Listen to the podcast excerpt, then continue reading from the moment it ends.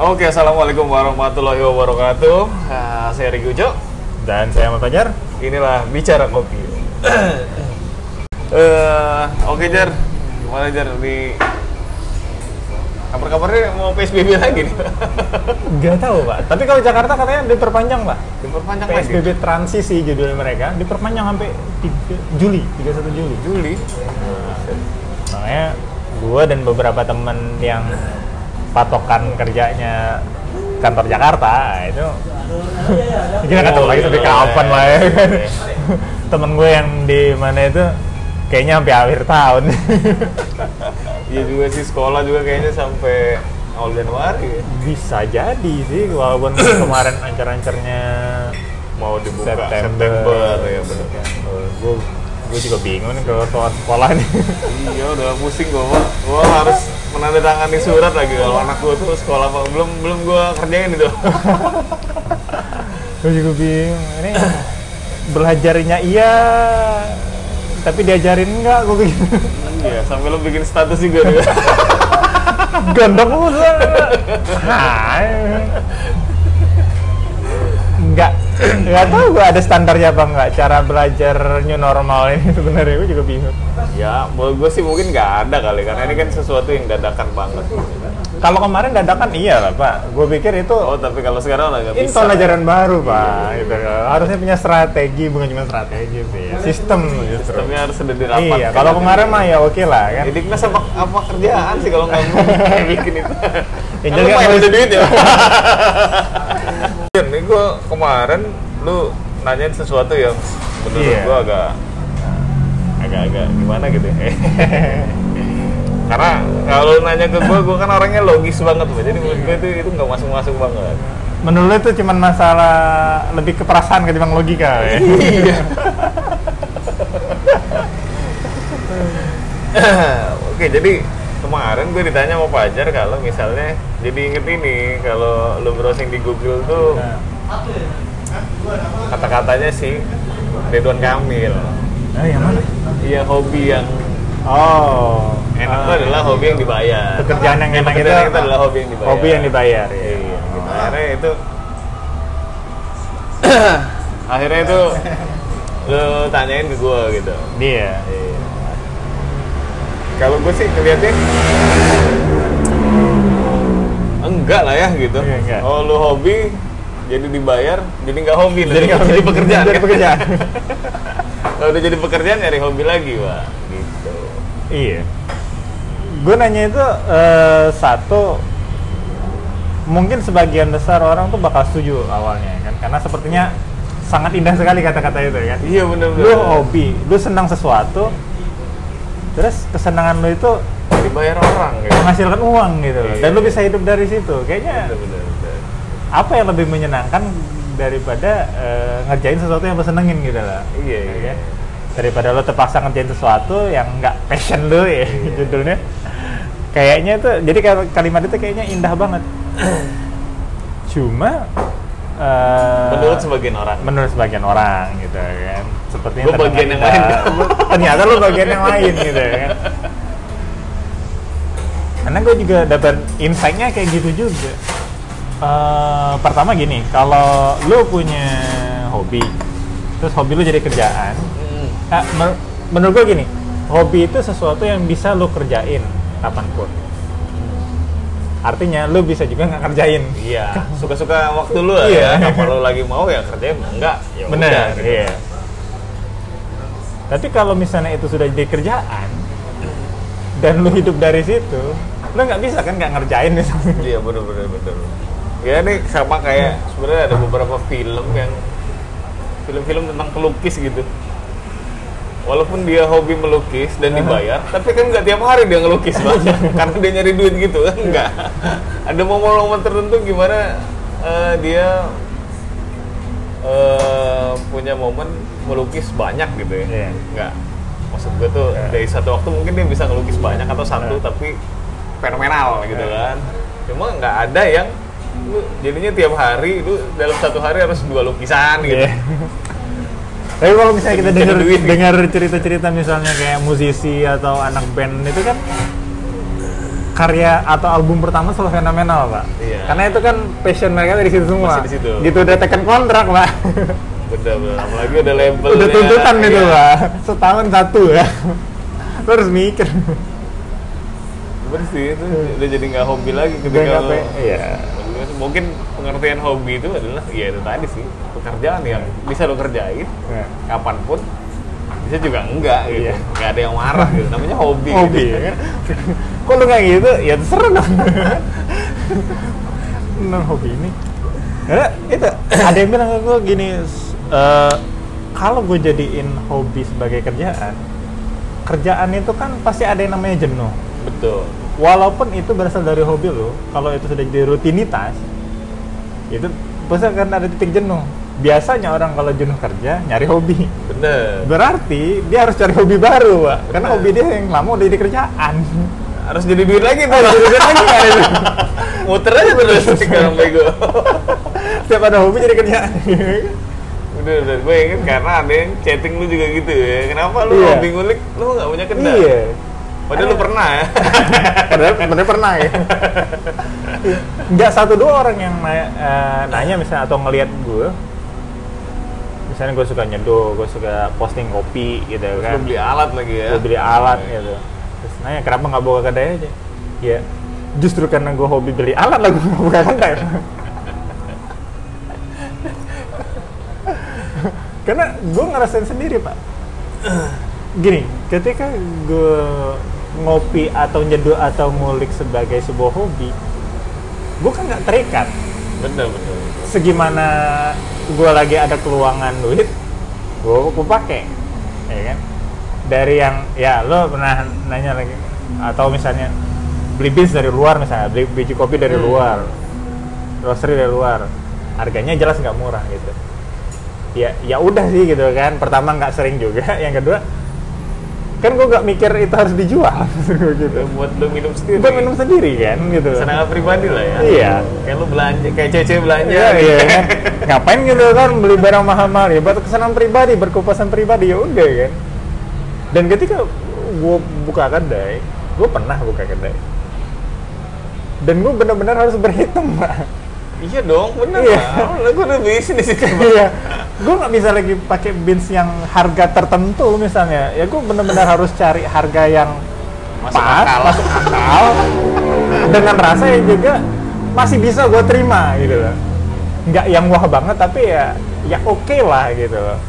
bener bener, bener. Dari situ aja gue ngerasa ya dan di situ gue ngerasa ini nggak hobi, ini nggak menyenangkan menurut gue.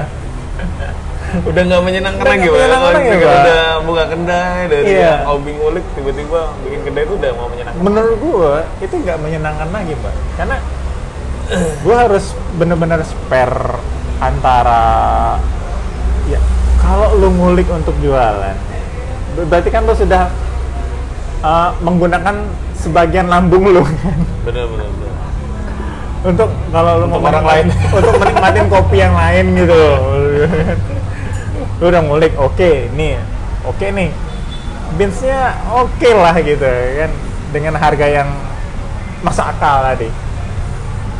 Tapi juga harus lu ulik gitu dan oke ini bisa dijual udah gitu. Nah terus gue harus mengerem dong kenikmatan gue untuk menikmatin beans. Biji kopi biji kopi Biji kopi lain deh mau apa mau nyobain espresso segala macam filter. Eh, ya kalau misalnya gue jualan itu ya gue pikir gue nggak segitu buang duitnya ya. Oke lah gue udah buang waktu gue nggak mau buang duit juga maksudnya gitu. Gue nggak gue kerja pagi sampai sore. Sore sampai malam gue di kedai. Itu kan udah buang waktu banget pak iya sih iya sih bener. Masa ya ya minimal jangan rugi lah gitu cara hitung hitungan duitnya kan gitu.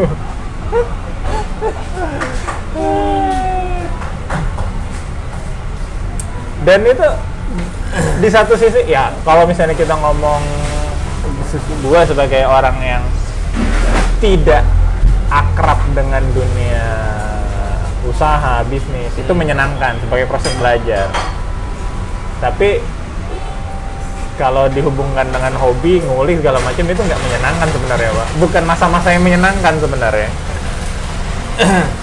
Ya kalau gue bilang sih bisnis memang tidak harus menyenangkan itu aja sih.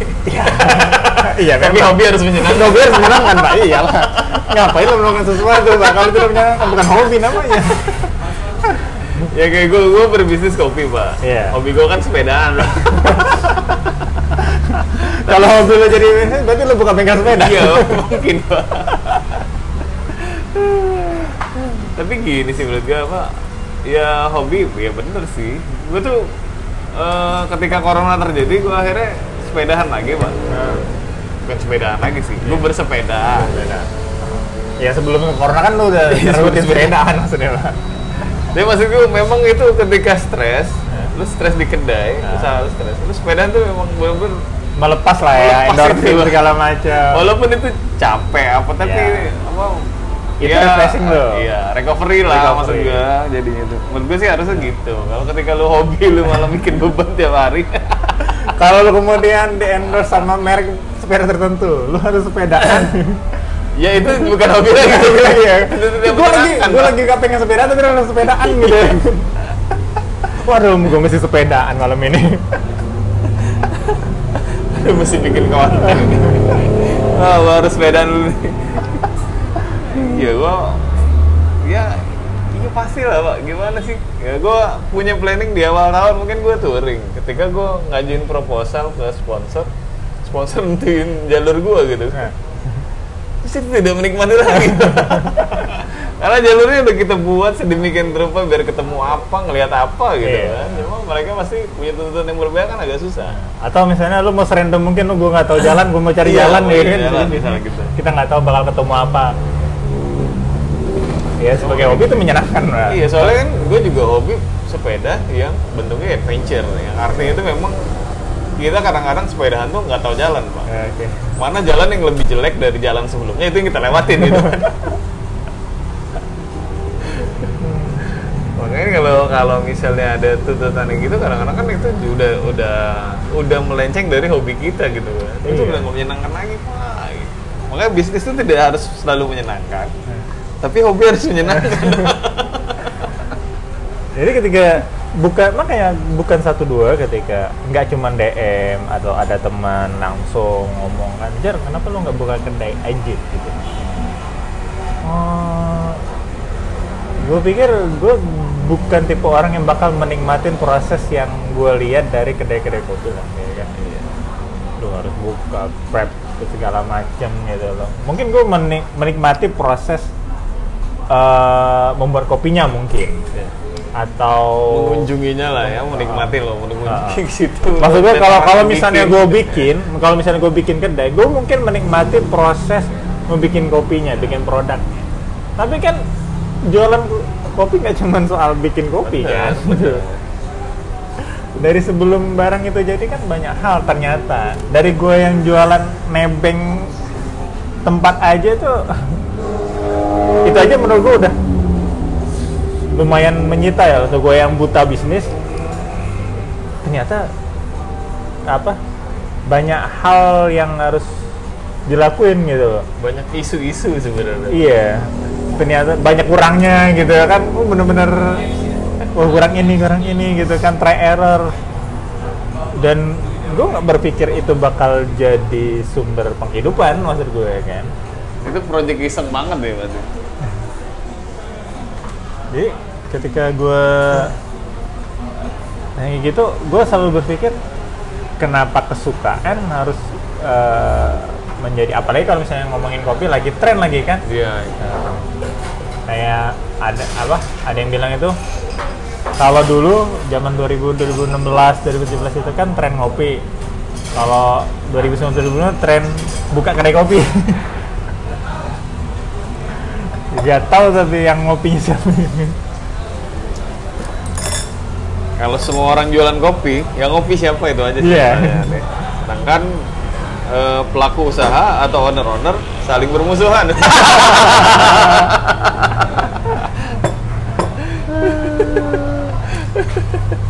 tapi ini mana itu lucu juga sih menurut gue tuh akhirnya banyak kedai kopi cuma masing-masing kedai itu saling bermusuhan gitu maksudnya semua punya ego semua punya apa Iya. gengsi lah datang buat kedai yang udah punya banyak cabang atau lebih besar dia males banget ya ngunjungin yang lu udah lama gitu-gitu aja gitu.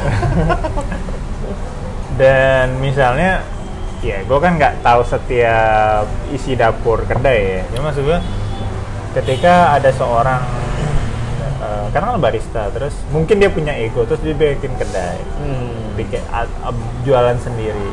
Maksud gue dari pengalaman gue yang secuil itu gue berpikir bahwa bisnis itu nggak cuma soal bikin produk gitu loh. Bener. Nggak. Nggak cuma cuman bikin bik- produk lu enak ya? bikin produk enak. Nggak cuma sekedar lu bisa bikin kopi enak gitu kan. Eh, terus lu bisa eh, buka kedai. Lu bisa jualan tapi lu bisa buka kedai. Yang enak gimana? tuh selera orang selera. Kalau itu gue harus bilang ya selera. Ternyata ada lebih dari sekedar bikin kopi enak untuk bisa lu dalam tanda kutip lu sukses gitu. Loh ya minimal lu survive lah setahun. Setahun? Setahun jangan ya. Kelamaan ya. Kecepatan mas. Tuh kecepatan. Setahun tuh rentan waktu untuk dalam sebuah bisnis pendek banget mas setahun tuh Mas. pendek banget ya? Iya pendek lu lihat aja Raymond aja butuh satu tahun dua delapan bulan. Iya dia, dia- dia, spare 2 tahun. Iya, spare, kalau nggak dua salah tahun. 2 tahun. Tahun ketiga dia baru. Nah, ya untungnya sampai ke tahun ketiga. Artinya gini sih sebenarnya kalau gue ngelihat bahwa itu jelas bahwa bisnis ini mungkin sulit. Sulit. Sulit. Dan bisnis itu sulit terjadi jadi kalau misalnya kalian berpikir ini bukan bukan mengecilkan ya maksudnya Iya. bukan mengecilkan kalian yang dengerin bukan gitu bukan maksudnya cuma maksud gue tuh ini sesuatu yang mungkin cukup sulit juga karena ya beliau aja spare-nya 2 tahun pak ya artinya dia sebelum itu terjadi dia udah, udah tahu bahwa ini akan menjadi sulit dan ini butuh waktu 2 tahun Iya. bisa atau tidak bisa 2 tahun Nah. kalau nggak bisa tuh betul kalau bisa lanjut gitu Iya. kan. Jadi menurut gua kalau misalnya lu ada satu satu hal yang ya lu ngomong lu cuma mendiami satu tempat untuk satu tahun itu pendek banget pak belajar dari hitung-hitungan itu aja yang menurut gua Ah. mungkin dia lebih jago lagi gitu Ah. ya lu tau lah ya dia punya bisnis sebelumnya maksud gue tuh Iya, Nah, iya. maksudnya dia lebih lebih tahu lah gitu dia aja bisa bisa nembak itu dalam waktu 2 tahun gitu. Benar lebih kurang 2 tahun. Ya makanya soalnya gimana ya kalau bikin bisnis mungkin jadi jadi sesuatu yang menurut gue tuh isunya terlalu banyak sih pak. Isu sih sebenarnya. Bisa ya? isu tuh dalam artian ya ya kayak lu lah misalnya lu harus tahu juga sebenarnya ketika lu nembeng sama tempat itu Iya. lu harus tahu ternyata gosip itu oh ini bukan punya dia lu dia kontrak juga dia apa gitu. Nah Gitu. benar itu benar itu pak. Banyak isu yang harusnya sebenarnya lu tahu jauh dari sebelum itu. Gue juga gue gak kaget sih tapi eh, dalam perkembangannya kayak ketika gue kemarin buka itu kan gue nebeng di, di sebuah tempat yang mereka itu nyewa. Mereka nyewa dengan kontrak yang tersisa ketika gue masuk itu enam bulan ya enggak enggak nyampe pak Hmm, nggak nyampe ya sekitar ya hampir enam bulan lah, hampir setengah tahun. Dan jadi dan ternyata mereka juga struggling berat untuk bisa memperpanjang itu. Baik secara kemampuan ekonomis maupun secara formal karena ternyata itu pakai open bid, oh. Bukan sewa antar dua pihak aja gitu loh. lelang. Lelang lah ya. Ke mana itunya udah Jadi tender. iya. Jadi ribet. Nggak cuma mahal tapi ribet buat mereka gitu kan. Otomatis itu berdampak ke kita. Dan hampir sebulan terakhir itu dipenuhi dengan gue tuh jadi mikirin mereka. Maksudnya gue mikirin mereka ini gimana progresnya gimana progresnya gitu loh. Karena berpengaruh ke kita kan gitu. Karena ada hubungannya. Eh ada hubungannya gitu. Loh Ini, tapi itu kan harusnya harusnya kan enggak, enggak ya harusnya sudah tahu juga kan. Kayak lo bilang tadi ada isu-isu yang hmm, sebenarnya harus kita tahu juga gitu. Dan kalau kayak misalnya kenapa eh, misalnya "Kak, kenapa gue jar kenapa lo nggak buka gue kedai kopi karena gue merasa ketika mungkin ada sebagian orang yang buka kedai kopi yang ala-ala kekinian dopi filter bla bla bla itu mungkin bisa survive hanya dengan jualan kopi. Tapi menurut gue pribadi enggak juga. Artinya sangat sedikit yang bisa kayak gitu. Iya apalagi kalau lu nggak punya masa. Nggak punya temen misalnya yang yang mau nongkrong di tempat lu. Dan nggak ada pilihan lain kecuali lu bro, bikin produk yang lain. Bisa bikin. Dan berarti gue harus belajar benar. bikin produk lain masalahnya adalah gue kan hobinya ngulik kopi bukan ngulik bukan ngulik Instagram. Bukan ngulik apa? Bikin tea green apa segala macem kan? Makanya gue bilang be- ya mungkin eh, ada apa ya ada benefit ketika kenapa gue mulainya lebih awal gitu. Oke. Karena ketika ketika gue mulai di awal media sosial tuh belum getol-getol banget pak. Iya masih. gue gue akuin bahwa gue dikit mungkin temen-temen gue dikit jadi gue benar-benar memulai meraup customer gue tuh one by one banget gitu. Dari satu konsep kelompok. konvensional lah ya. Konvensional lah. Gue mungkin tapi mungkin kalau gue bukanya di tahun-tahun sekarang mungkin jadi sulit gitu. Kayak contohnya Pindang Musirawas lah oke ha. Pindang Musirawas itu eh bisnis yang konvensional menurut gue tuh. Dia bisa bisa bertahan di dunia era digital saat ini karena dia udah tertanam dari sebelum sebelumnya iya gitu. benar. Dia karena gue gue inget banget gue dulu kerjanya nyopirin Nah. gue nyewain mobil gue pak. Nah. gue gue nyopirin tamu-tamu. Itu dari seluruh daerah tuh tahu semua sama PMR gitu itu. Iya. Musirawas gue tamu dari Pekanbaru dari Bengkulu. Kita harus ke PMR pak. Oh iya siap. Gue gitu. Artinya itu itu kekuatan itu lebih ya secara konvensional. Cuma mungkin di era digital ini apakah dia jadi sepi? Menurut gue sih enggak. Malah nambah kan nambah tempat ya. Justru dapat tempat. Jadi nambah tempat. Artinya itu kan ada keuntungan bahwa eh, cuma mungkin menurut gue sih mungkin ini yang jadi kesalahan bahwa kalau misalnya kita juga tidak mengikuti itu mungkin itu akan menjadi eh, bumerang juga buat kita makanya gue bilang sih Iya. sebenarnya eh, isu itu banyak gitu benar ketika kita nggak peka sama isu-isu itu gitu loh walaupun eh, apa, kita dikatakan berhasil gitu ya sebelumnya gitu karena nama Iya. kita udah Udah kepalang tancep aja. kan gitu Ah. kan di situ cuma kalau misalnya ini kita bisa aja hilang sama pendatang baru yang memang getol secara digital gitu. Betul. itu sih menurut gue tuh secara bisnis sebenarnya isu-isu tuh penting banget gitu loh. Apalagi kayak lo harus peka juga terhadap dunia luar tapi lo juga harus keep dunia di dalam lu gitu kan. Iya, iya, ini iya. ini nih yang yang ini sebenarnya. Dan itu menurut gua butuh keseriusan. Iya lebih dari sekedar hobi pak. Nah. Jadi gue paham banget ketika misalnya teman kita itu memutuskan untuk terjun ke situ dia harus meninggalkan pekerjaannya. Gue paham. Oke. Karena gue juga merasakan bagaimana sedikit banyak ya lu pernah kerja sambil buka kedai. Iya benar. Pasti berlipat-lipat lah. Minimal lu capek badan berlipat. Oh pasti itu gue juga pagi di kantor itu kayak ya penting gue datang gitu ya kan. Efek malam begadang. Padahal sebenarnya kalaupun nggak ada kedai itu Begadang begadang juga. juga gitu loh. Tapi baik-baik aja gitu. Karena pikirannya dibawa tidur pak iya. Kalau lo begadang emang nggak mikirin apa apa iya kan?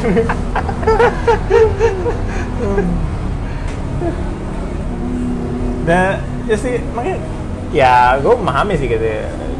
Lo harus menseriusi karena itu tadi kan? Ada hal di luar yang lo pikirin yang ada keep di internal juga. Iya itu. Lo harus ngikutin dan lu nggak harus ngikutin lu harus tahu tapi nggak harus ngikutin. Banyak hal banyak isu kayak bahasa lo tadi. Iya makanya gue bilang kalau hal itu terjadi itu sekelumit ceritanya gitu Hmm. itu lebih dari sekedar hobi itu sesuatu yang benar-benar harus lu seriusin Iya. dan itu lebih dari sekedar hobi gitu. kalau cuma hobi itu ibaratnya tenang banget pak Iya. mau ya enggak ya mau udah gitu dibayar oke ya nggak dibayar ya udah gue Iya. tetap jalan gitu kayak misalnya Iya. gini gue planning sama anak-anak bakal touring di awal tahun gitu Iya. mau dapat sponsor nggak dapat sponsor touring itu akan terjadi Jalan, iya. Kalau dapat ya udah, ya enak dong ya, kan? gitu. Dapat pinjaman Aman sepeda, ya dapat duit satu, ya. oke gitu kan. Tinggal ongkos balik aja paling ya. Kalau nggak dapat, emang Kalau udah nggak- diusahain iya, kan kan? jalan. Iya makanya. Gitu. Cuma kalau bisnis tuh nggak bisa gitu. Ya lu daripada rugi waktu, seti- setidaknya daripada rugi materi ya lu nggak rugi waktu lah gitu kan. Iya. makanya nih ini harus yang uh, buat kalian yang memang dengerin podcast ini memang Dan merasa hobi. ya. hobi itu sebenarnya eh, kalau menurut kita kita itu bukan sesuatu jawaban ketika lu hobi hobi lu harus dibayar nggak gitu karena berbisnis mungkin menjadi sesuatu yang lebih serius dari sekedar hobi gitu ya ada hobi yang serius cuma maksud gua Ya hobi bisa diseriusin, Bisa diseriusin. cuman enggak. Eh, yang pasti berasa Iya. Ketika hobi lu ternyata tidak menyenangkan kalau sudah menjadi sumber periuk.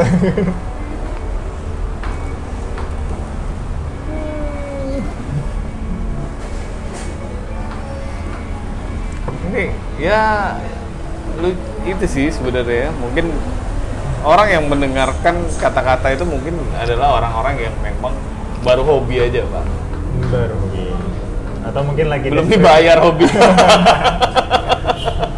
jadi dia nggak ngerasa bahwa dia jadi merasa bahwa kata-kata itu indah banget gitu kan Oh, Atau ada iya, jebakan-jebakannya, Mbak. Ketika hobi lu agak bersinggungan dengan bayaran. Dan lu Iya, merasa benar. ah lu bisa nih dari hobi ini lu bisa nih gitu menjadi sebuah usaha atau penghidupan. Ya kan bisa-bisa aja kan misalnya lu ngomong sesuatu terus bersinggungan dengan pihak lain yang kayaknya lu oke deh kalau misalnya ini gitu kan. Lu bawa brand gue deh gitu ya. Misalnya lu sepedaan gitu kan. Wah lu dapat satu sekali kan. Wah kayaknya asik nih bisa nih. Gitu tapi menurut gua pak hobi yang dibayar itu adalah hobi yang dibayar dengan sesuai pak. Artinya lu dihargain gitu. Dihargai bukan berarti lu karena hobi lu dibayar gitu. lu hobi sepeda lu dibayar dengan sepeda misalnya tapi lu hobinya downhill gitu pak downhill Ya. tuh kan impactnya gede banget. Luka lu tuh lu asuransi badan gitu. Lu harus jatuhin patah tulang apa segala macem gitu. Iya. Menurut apa itu sesuai dengan lu cuma dikasih sepeda harga ya 60 juta. Nyawa lu cuma sehari 60 juta gitu. Atau 130 juta gitu. Segitu doang nyawa lu. Menurut gua kan enggak gitu. Loh menurut gua jadi gua eh, menganggap bahwa ya kalau misalnya case-nya adalah downhill itu nilai nyawa gua tuh lebih mahal saat ini Bang. karena gua beristri dan punya dua anak Bang. dan kalau lu bisa memilih hobi yang itu berarti sebenarnya kan eh, memang lu nggak butuh-butuh banget gitu kalau orang bisa punya hobi bersepeda mahal gue yakin dia sebenarnya nggak butuh lah dari situ pak. Udah kebeli Bang. iya udah kebeli. Itu. Itu kan maksudnya. Hmm. jadi ya ya ya silakan sih kalau misalnya ada orang yang pengen mencoba dengan mencoba skill atau hobinya itu uh, menjadi sebuah apa ya dapat duit lah misalnya kita bilang Ya. itu ya silahkan lah ya Menurut gua pak yang paling pas dengan Ya. kata-kata itu adalah lu hobi ngulik tapi lu ikut lomba pak. Hmm? Nah itu hobi yang dibayar pak. Lu lu menang, bayar tuh pak, dibayar. tapi kan nggak sesuai pak kalau kayak gitu mana ada lo mbak eh, ada sih gue ngerasain Iya, ada ada ya lihat lihat lombanya lah Lu kan ngerasain. ya iya oh iya benar benar itu Menurut gua sih itu yang paling masuk akal Ya. dari kata-kata itu. Masuk akal banget kalau itu. Tapi kalau lu harus dijadikan sebuah pekerjaan, susah juga gitu. itu kan hobi bang, maksud gue tuh ketika lu hobi ngulik, lu ikut lomba gitu. Emang kalau lu menang dibayar, kalau enggak ya udahlah lu ya udah Ya. lu kan menantang diri lu sendiri lah gitu Ya. namanya hobi gitu nah oke makanya kan karena itu hobi gue jadi nggak merasa harus ikut lomba lagi pak. Lu nggak jadi harus jadi competition hunter gitu, dari lomba ke lomba. Apalagi kalau kita ngeliat hadiahnya hmm, lebih kecil daripada yang terakhir gue rasain.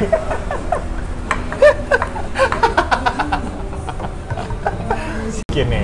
Ya, maksud gue tapi itu yang paling mendekati Iya, lah dari kata-kata bener. Lu bener hobi banget. gambar, lu ikutan apa sayembara mau menggambar, misalnya atau lu menang ya. misalnya kan ya udah lu dapet duit, nah itu baru hobi yang dibayar. Bener. Dan lu nggak harus melakukan itu terus. Iya.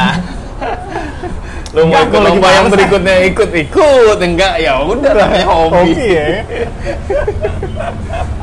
nah, itu baru masuk ke Oh, lu jadiin sebuah pekerjaan ya enggak. Gue sih enggak ini. Seberapa banyak sih emangnya kalau misalnya lu hobi ngulik terus oke katakanlah lu hobinya ngulik. Lu punya modal yang besar lu bikin kedai terus tuh punya anak buah ya lu memang satu sekali dua kali nyeduh misalnya. Iya. Ya, cuma maksud gue itu nggak masuk juga gue.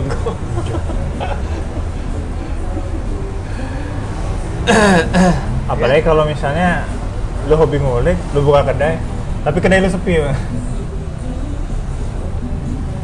Nggak, ya lu ngejalanin hobi doang jadi ini nggak dibayar. Dari nggak dibayar. tapi harus ya. kan? Karena kedai lu harus buka.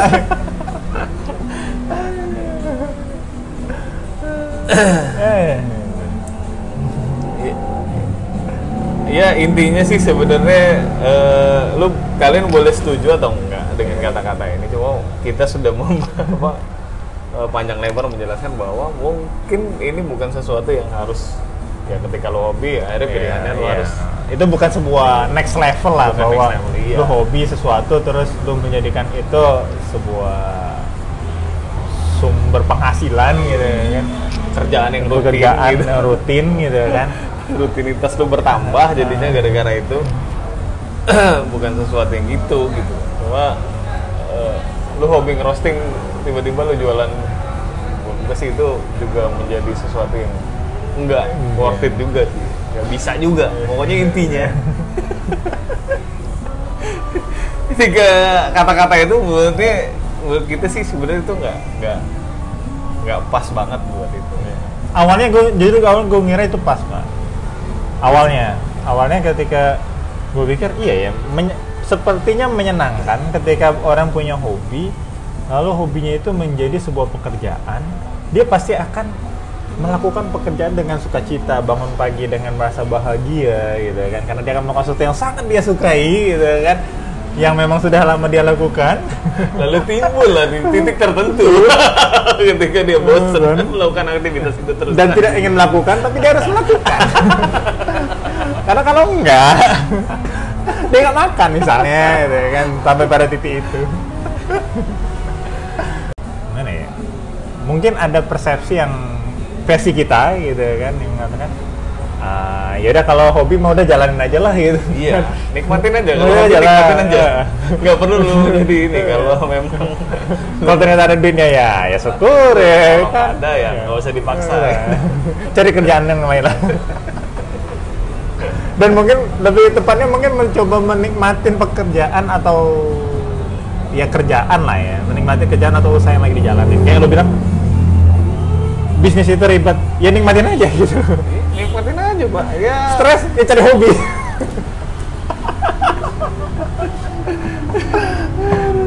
makanya gue dari beberapa tahun yang lalu eh satu tahun kebelakangan mungkin ya gue merasa bahwa ya nama kopi baik itu adalah sesuatu yang paling pas menurut gue tuh Bang. ya Iya. sepi baik-baik aja Iya. ya rame baik-baik aja juga tetap baik lah pokoknya doa lah lah ya. Doang lah. Jadi gue sebisa mungkin untuk memperbaiki diri gue terus membaik-baikan diri gue gitu. Ketika lu harus stres ya cari hobi lah ya gitu.